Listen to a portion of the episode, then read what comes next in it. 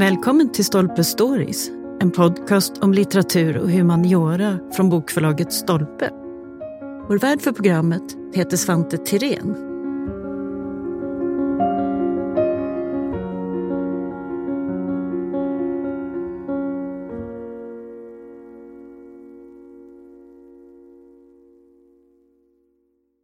Ibland så firar vi högtider utan att veta riktigt varför. Julen vet vi de flesta, det har ju med Jesu födelse att göra. Men hur är det med till exempel nyårsafton eller Lucia? Och sen alla de här bortglömda traditionerna som Mikkelsmäss eller domsöndag. Varför var de en gång i tiden så viktiga och varför försvann de sen? Ja, en som vet mer om det här det är folkloristen Tora Wall som skrivit boken Högtider och traditioner. I det här avsnittet ska hon berätta mer om vinterns och julens högtider. Vi ska prata om varför vi firar, men också hur högtiderna kan hjälpa oss att förstå vår historia lite mer. Ja, så välkommen hit Tora! Tackar! I ett annat avsnitt så har vi pratat om sommarhalvårets många högtider och nu har vi kommit till vintern. Vad skiljer egentligen vintern från, från sommaren när det kommer till, till högtider? Finns det något gemensamt drag här? Det är svårt att säga att det finns en tydlig skillnad mellan vintern och sommarens högtider, förutom de här rent eh, uppenbart praktiska. Att på vintern kanske man inte kan vara utomhus i samma utsträckning, så att då kanske man har firandet inomhus.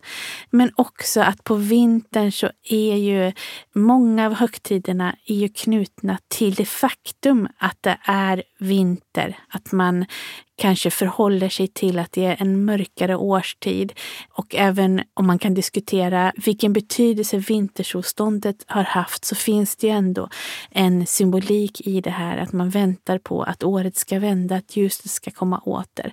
Och det finns ju med i föreställningsvärlden just den här betydelsen av vintersolståndet när det är den mörkaste tiden på året. Mm. Som också i folktron då sågs som den farligaste tiden på året. Ja, det är den farligaste också? Ja, på grund av mörkret? Eller? Ja, men precis. För det är det här mörka, eh, den här långa natten. Och sen så också den här tanken på att man är på gränsen mellan två olika saker. Gränsen mellan det gamla och det nya, någonting som ska vända. Och just gränslandet har en magisk betydelse. Och sen är det också spännande att man har haft, eh, eftersom under medeltiden så låg vintersolståndet på Lucia. Och då var ju de här föreställningarna knutna till Lucia-natten. Men sen så finns det fanns det problematiken med att det astronomiska året och kalendern inte följdes åt så man flyttade vintersolståndet till den 21. Och då kan man se hur, hur föreställningarna knutit dels till den 21 och sen också i mycket till julen. Eh, så både lucianatten och julen har i den folkliga föreställningsvärlden sett som årets längsta natt och därmed den farligaste. Vintern är kanske lite mer väntandets tid. Ja, men det finns ju någonting inbyggt i det här att det är väntandet och det är kylan som liksom påverkar hur man umgås med varandra, vad man kan göra och vad man inte kan göra.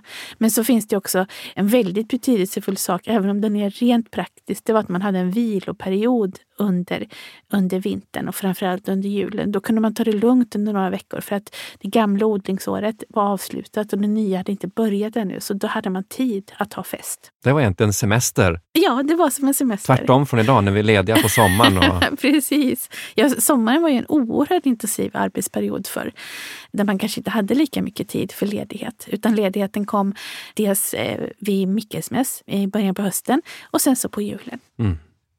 Och är det därför, för julen är ju den traditionen som har fått så enormt stort eh, genomslag. Mm. Är det för att den är så bra tajmad helt enkelt med, med året? eller?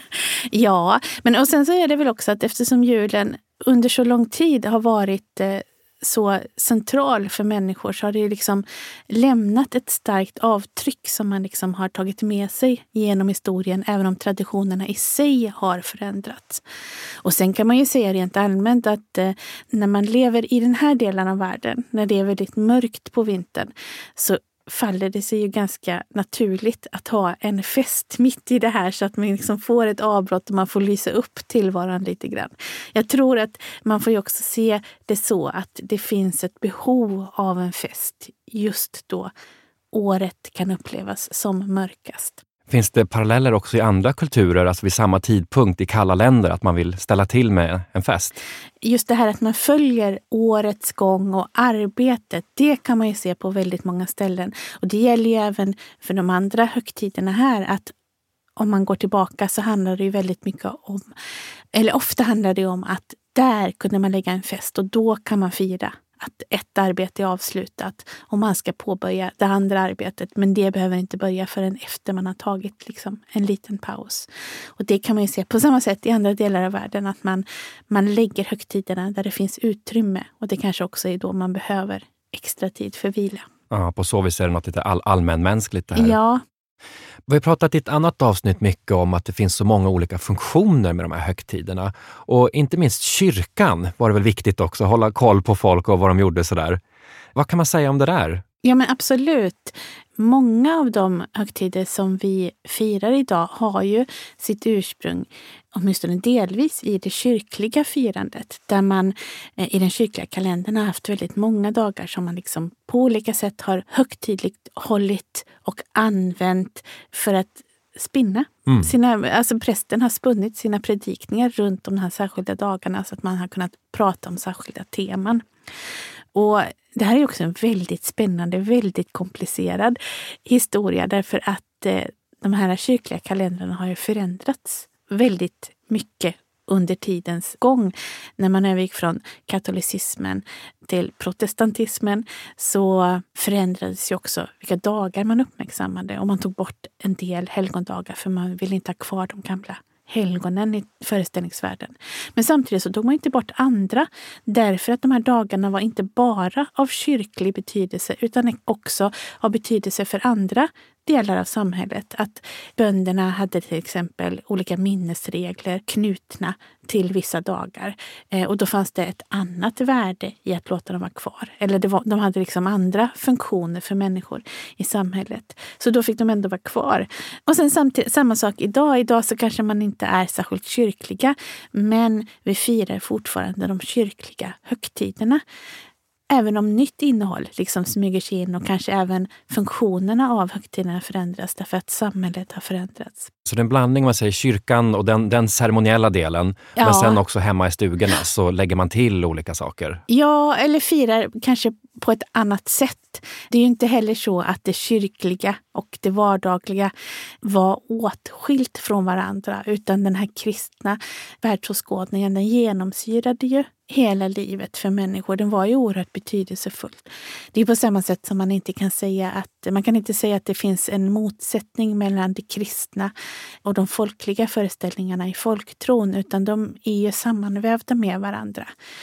Man kan ju också vända på det att man, man kan inte heller säga att det man firade i kyrkan för människor som kom dit kanske hade inte enbart den laddningen som prästen hoppades att de skulle finna i det, utan det fanns även de här andra föreställningarna som man tog med sig in i det här. Så det är hela tiden ett möte mellan olika saker, ett växelspel. Ja. Har julen någon föregångare, just att det är på den tiden av året där man håller en fest? Ja, eh, och det här är en väldigt spännande fråga. Väldigt svår fråga också, därför att man vet ju att man firade någon form av jul innan vi blev kristna. Därför att ordet jul till exempel, det är ju äldre. Man, man pratar om någon sorts jul som man firade eh, i de isländska sagorna som är, är en av de viktigaste källorna till den förkristna kulturen. Eh, även om de är skrivna på medeltid. Så man hade ju ordet jul och man pratar om julfiranden och det finns ju omnämnandet av olika former av firanden. Men däremot så tror man ju inte längre att det låg samtidigt som julfirandet som vi har idag. Men man tror ju att antagligen i frågan om flera olika firanden som ligger vid olika tidpunkter. Eh, och som kanske har, man har med all sannolikhet haft blod knutna till åtminstone en del av dem. Och de, de har ju säkerligen haft att göra med det här som verkar ha genomsyrat så mycket att man bad gudarna om att man skulle få fred och god skörd. Det är ju ett återkommande teman i det lilla vi vet om hur de här ritualerna såg ut. Att man, man ville helt enkelt ha Något firande? man, någonting? man Ja. ville ha liksom det här äh, fruktbarheten i det att man, man ville liksom att eh, grödorna skulle gro, att djuren skulle få barn, att människorna också skulle få barn. Att man skulle ha ett lugnt och lyckligt liv helt enkelt. Och sen fanns det andra blot som var mer krigiska. där, man, där man kanske blotade till Oden om, eh, och ville ha krigslycka. Just det. Vi ska återkomma till det här med midvinterblot, Ja. tänkte jag, för det är en eh, väldigt spännande del. Det är intressant att ordet jul är förkristet alltså. Mm. Men nyårsafton då, är det också en naturlig högtid så att säga? Är det någonting som man firar överallt eller? Ja men absolut, man har ju delat in tiden på olika sätt. Och då tänker man sig att det nya året börjar. Men när det har skett, det kan ju se olika ut. Det har inte legat alltid vid samma tidpunkt på året.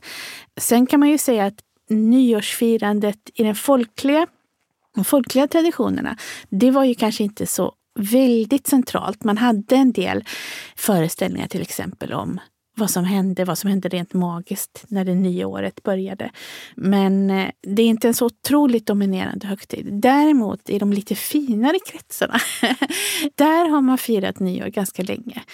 Och man har ju till exempel, eh, man berättar från 1700-talet finns det berättelser om nyår och där man eh, ser nyårshelgen som, då ska man liksom gå ut och träffa folk och man delar ut nyårsgåvor till varandra som ju senare blir julklappar.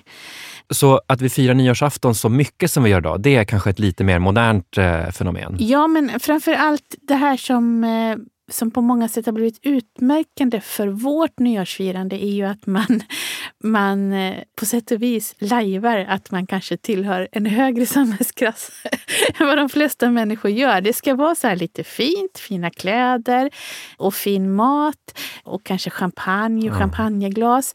Att man eh, på många sätt tycker jag man kan säga att man är lite inspirerad av det fi, krets, hur de finare kretsarna i världen eller i samhället ja, firade eh, vid sekelskiftet. Att man liksom har fått med sig det här lite borgerliga idealet om hur man ska fira. Jag tänker att man kanske skulle kunna säga så här, även om det är lite förenklat, att eh, på julen så vill vi gärna knyta an till bondesamhället, till det här äh, genuina, mysiga som vi föreställer oss att djurfirandet var då hos bönderna. Medan på nyår så kanske mer är de här lite fina, glittrande festerna som man ser framför sig. Och eh, man tänker sig att liksom det nya året ska börja, ja. börja glittrande och storslaget. Så familjemys på julafton och elegans på, ja, på nyårsafton? Precis. Ja. Många känner till en målning som ju, jag tror finns med i boken också, Midvinterblot ja. av eh, Carl Larsson. Eh, och där ser man ju en stor folksamling då framför ett blodigt människooffer, väldigt så dramatiskt. ja. Är det här ren fantasi eller fanns det här? Ja, just Carl Larssons Midvinter, det kan man väl säga att det är ju oerhört mycket fantasi. Eh, han har ju målat in väldigt mycket om hur man föreställde sig midvinter under den, den nationalromantiska tiden vid det förra sekelskiftet. Då eh, fanns det ju starka strömningar när man man ville liksom hitta sin egen historia och man ville man ville att det skulle vara en storslagen historia. Och man vände sig ju i den här processen väldigt mycket till vikingatiden som ju romantiserades i oerhört hög grad. Och sen det som han målar, det som han utgår ifrån är ju den här eh, Adam av Bremen, han beskriver ett midvinterblot vid Gamla Uppsala där han säger att det ska funnits ett tempel behängt med guldkedjor. Och där i Gamla Uppsala så fanns det en väldigt stark kult berättas det där då och har man föreställt sig sen. Där man eh, bland annat offrade och blot är blod, alltså att det alltså, är ja, blodsoffer? Absolut. Ja. Och så mm. är det ju. Mm. Det, det, finns ju ingen tvekan om det. Att man har offrat djur och man har eventuellt då offrat människor också. Eh, jag törs inte uttala mig för mycket om det, därför att det har varit väldigt, väldigt omdiskuterat. Men att man har offrat djur finns ju ingen tvekan om det. Däremot Carl Larssons framställning av hur det såg ut vid Gamla Uppsala och det här templet, där finns det ju inte mycket. Det är mer romantisk Det är ju en romantisk ja. fantasi kan Men man brutalitet säga. har det i alla fall funnits. Det, fa det fanns ju en annan form av brutalitet då. Eh, och sen eh, så tror man ju att det kanske var så här då att man, för, för man har hittat på Frösön till exempel, har man ju under eh, altaret så har man hittat rester av en, en forntida Just det, Frösö kyrka Precis, där när man har gjort kyrka. utgrävningar. Precis. Och där finns det en stubbe och runt den har man hittat djurben. Och det blir en väldigt fysiskt materiellt belägg för att det här med offerträd verkligen har funnits så att man har offrat djur, kanske då hängande i dess grenar. Men man tror ju också att det mycket väl kan ha varit så att man, man gjorde det här offret men sen så åt man köttet vid en, höst, vid en fest måltid. Så att det är ju det här ständiga... Jag tycker att det är faktiskt väldigt spännande, inte bara i de här traditionerna, de här äldre traditionerna, utan även lång, längre fram i tiden, att det alltid finns liksom en sorts eh, samspel mellan det andliga men också det här materiella behovet. Att mm. man måste ju ändå äta upp köttet för det är ont om mat. Men att man då gör det som en handling som blir en rit där man också vänder sig till gudarna. Ja, det finns något praktiskt som det, det, knyts precis, ihop till det här ja, men Det symboliska. finns ju ständigt det här mm. praktiska som finns med i det hela. Idag är ju högtiderna ganska mycket en, en fritidssysselsättning, eller hur? Ja. Men att man offrar, gör vi mindre av det nu? Just offer, det kanske man har lite mindre av. Men vi har ju också en helt annan eh, religiöst system. Eh, man har ju offrat även i folkliga föreställningar och även i kyrkan så har det ju funnits tankar på offer. Att man måste ge någonting för att få någonting tillbaka. Även om själva riten naturligtvis har laddats på olika sätt i olika tider. Så säga, när, när, vi blir kristna och lämnar då vikingatiden och, och det här, då, då blir det mindre av offer, är det så? Ja, i varje fall offer som sker i den officiella kulten. Nu ska man ju också komma ihåg att kristnandet pågick under väldigt lång tid, flera hundra år och var en successiv förändring. Men det här offret som i att man fysiskt offrar någonting finns ju inte med i den offentliga kulten längre. Däremot så kan man ju också diskutera hur man ser på nattvarden som ändå är någon sorts symbolisk, att man symboliskt tar del av Jesus kött och blod. Det finns ju fortfarande en liknande tankegång där, att man liksom genom det här att man äter någonting så förenas man med guden. Oh. Men det är en en helt annan tappning, en helt annan inramning.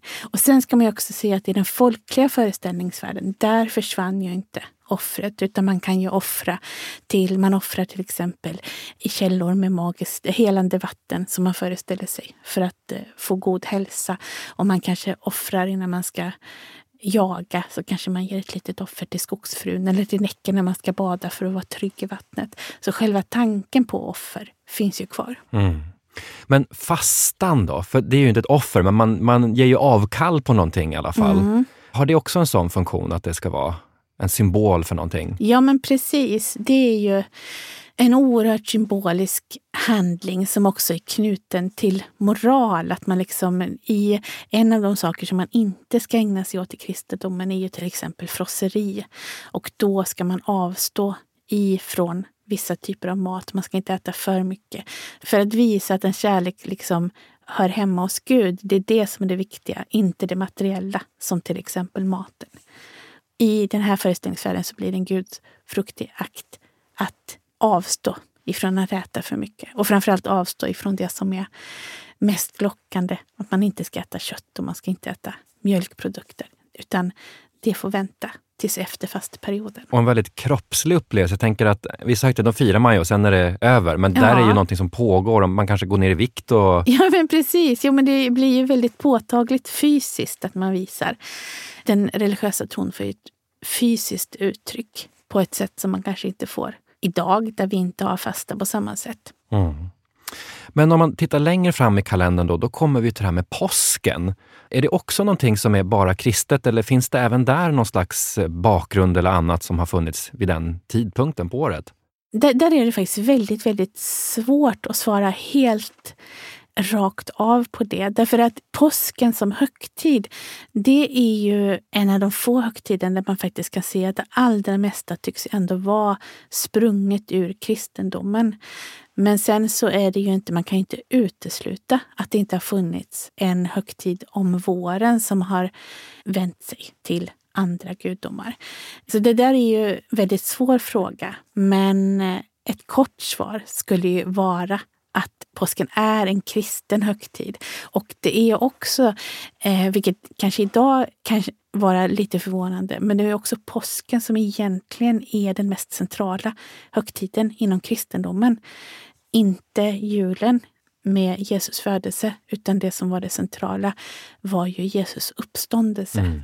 Precis, det har varit en större högtid Ja, men precis. Det är det ja. som är det viktigaste. Men jämfört med julen så verkar påsken i alla fall vara mer, mera kristen. Julen är ju också en, hög, en kristen högtid, men det finns ju trådar bakåt av andra saker, av förkristna fester som ju ändå är en del av julens historia. Medan påsken mer tydligt är kristen i sin kärna. Ja.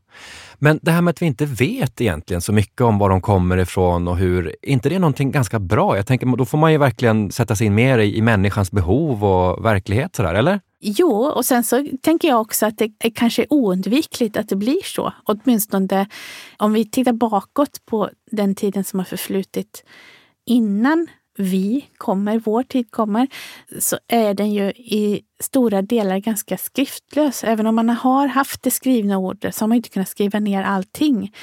Och det finns ju ändå en ganska naturligt förlopp i att saker faller i glömska. Idag så kanske vi är väldigt fixerade vid att man ska minnas allt, vi ska bevara allting. Men det har ju inte kunnat fungera så förut. Så att jag känner att det också är ganska naturligt att man inte kan veta alltings ursprung. Ja, Men det är också oerhört viktigt att man är medveten om att man inte kan veta det. Den medvetenheten tror jag är väldigt viktig. För har man den så kan man ju också ifrågasätta om någon kommer och säger till en, men vi måste göra så här, för så här har vi alltid gjort. Och då är det bra att kunna säga, nej, men har vi alltid gjort? kan det inte ha varit så här också? För det finns ju en makt i de här traditionerna, att man kan ju styra människor. Det är kanske en bra övning i att inte ha för mycket förenklade sanningar, eller hur? Ja, jag tycker det. Man kan alltid ifrågasätta. Ja. Om vi tänker på den materiella sidan här. Idag så kan vi ju inte tänka oss julafton utan julklappar eller påsk utan påskägg och sådär.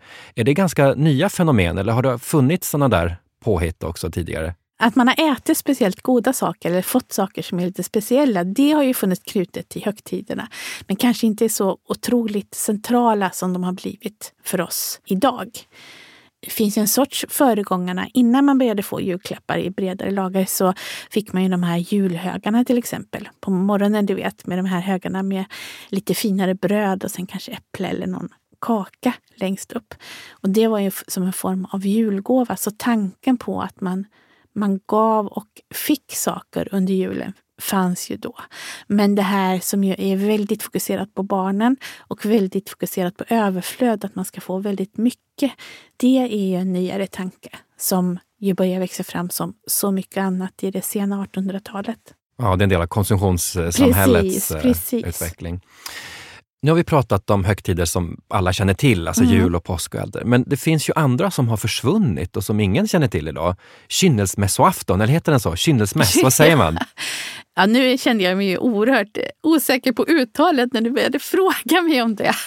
Men jag har alltid uttalat det kynnelsmässoafton, eller kynnelsmässodagen är det ju mm. egentligen som man firar. Och det är en högtid i den kristna kyrkan som man, man firade för att minnas att eh, jungfru Maria bar fram Jesusbarnet i templet 40 dagar efter födelsen, vilket man skulle göra då för att få barnet välsignat och liksom godkänt, eller vad man ska säga. Mm. Det är en högtid som kretsar kring det här med, med renhet och att eh, när jungfru Maria återvänder till templet så blir hon också i den kyrkliga meningen ren. Mm. Och det har man också tagit fasta på i de folkliga traditionerna sen. Varför försvann då det här? För den var ju viktig, antar jag, då, under en period och sen, men ja. Den försvinner ju därför att man i mindre utsträckning är kyrkliga. Och den här högtiden hade kanske inte så väldigt stark förankring i det folkliga firandet.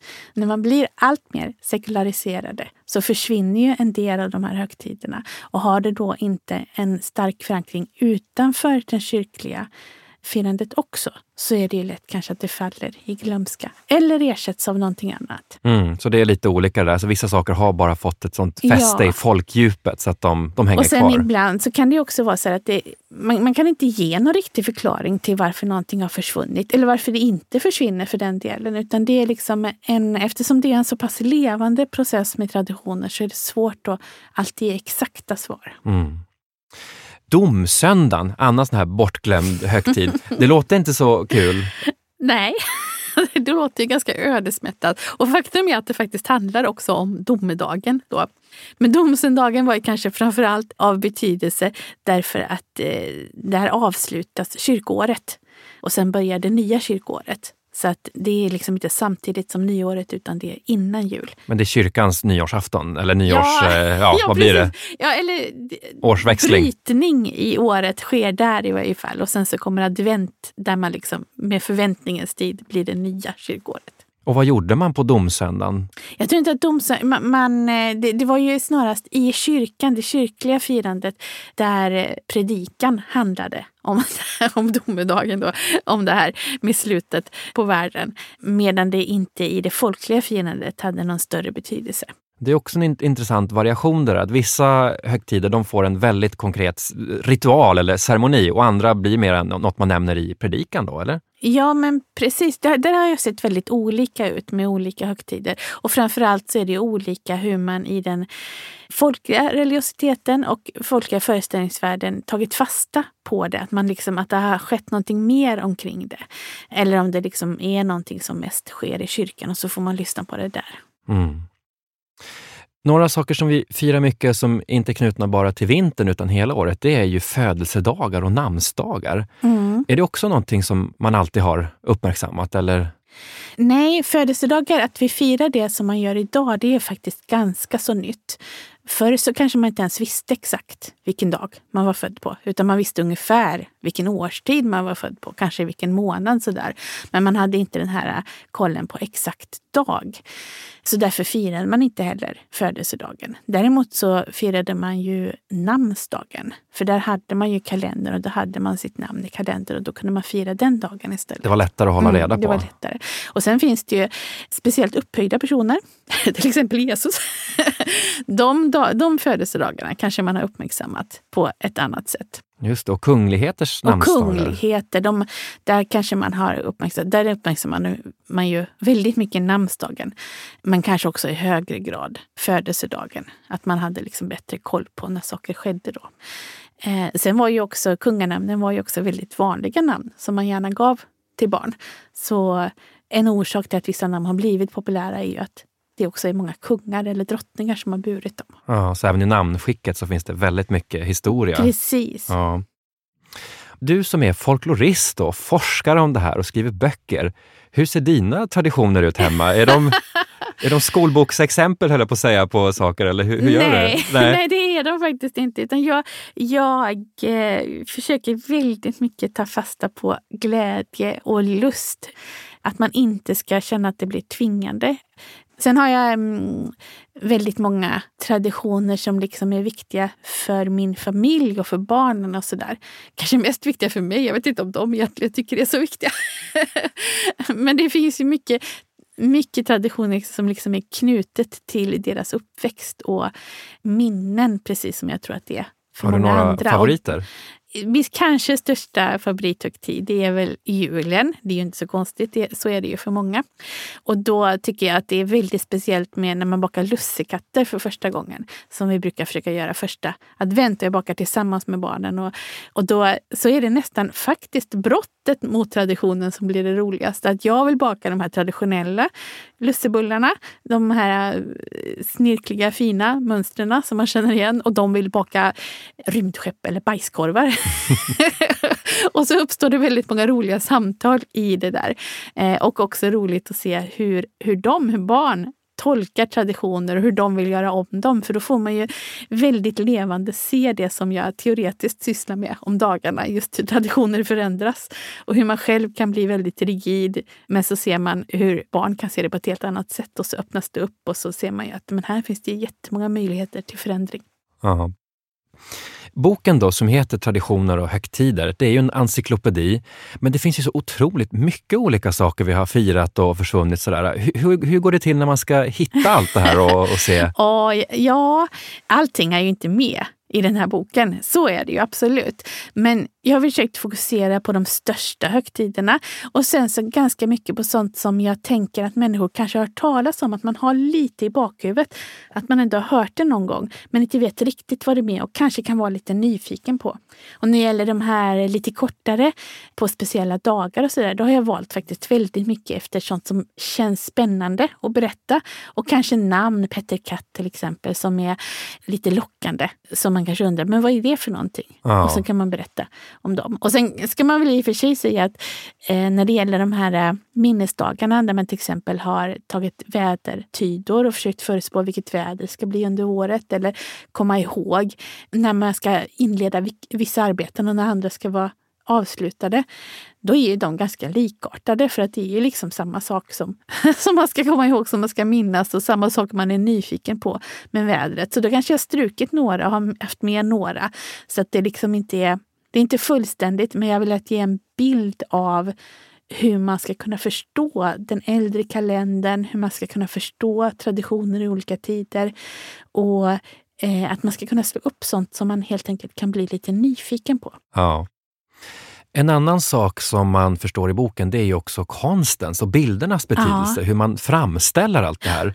Eh, kan du säga någonting om vad, vad, betyder det just att ha bilder av, av högtider och, och traditioner? Alltså är, det, är det de vi går mycket efter när vi ska... Och jag tror att det är de, väldigt mycket som vi går efter när det, när det handlar om att försöka, när man liksom ska få det här ogripbara, den här stämningen. För att väldigt mycket av traditionen handlar om stämning som kan vara väldigt svår att beskriva. Både hur den uppstår och hur man upplever den, men också beskriva för en utomstående, om man ska beskriva det i en bok till exempel. Och då tror jag att bilderna är någonting som man ofta kan ta till för det.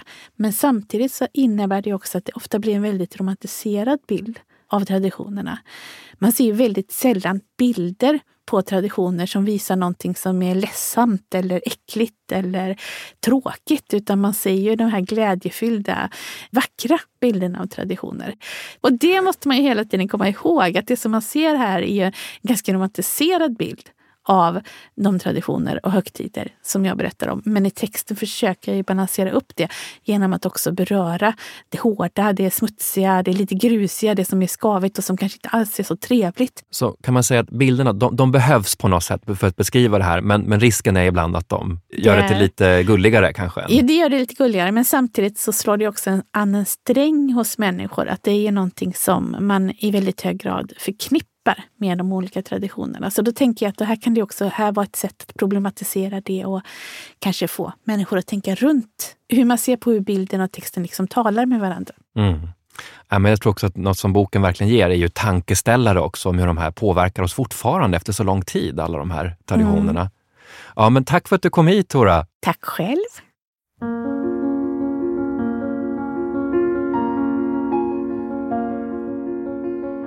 Tack för att du har lyssnat på Stolpe Stories. Missa inte att du som lyssnar har 20% rabatt på bokförlaget Stolpes titlar hos Bokus.com. Aktivera rabatten genom att ange koden STOLPE20. Och för att lyssna på fler avsnitt, följ oss där poddar finns och på sociala medier.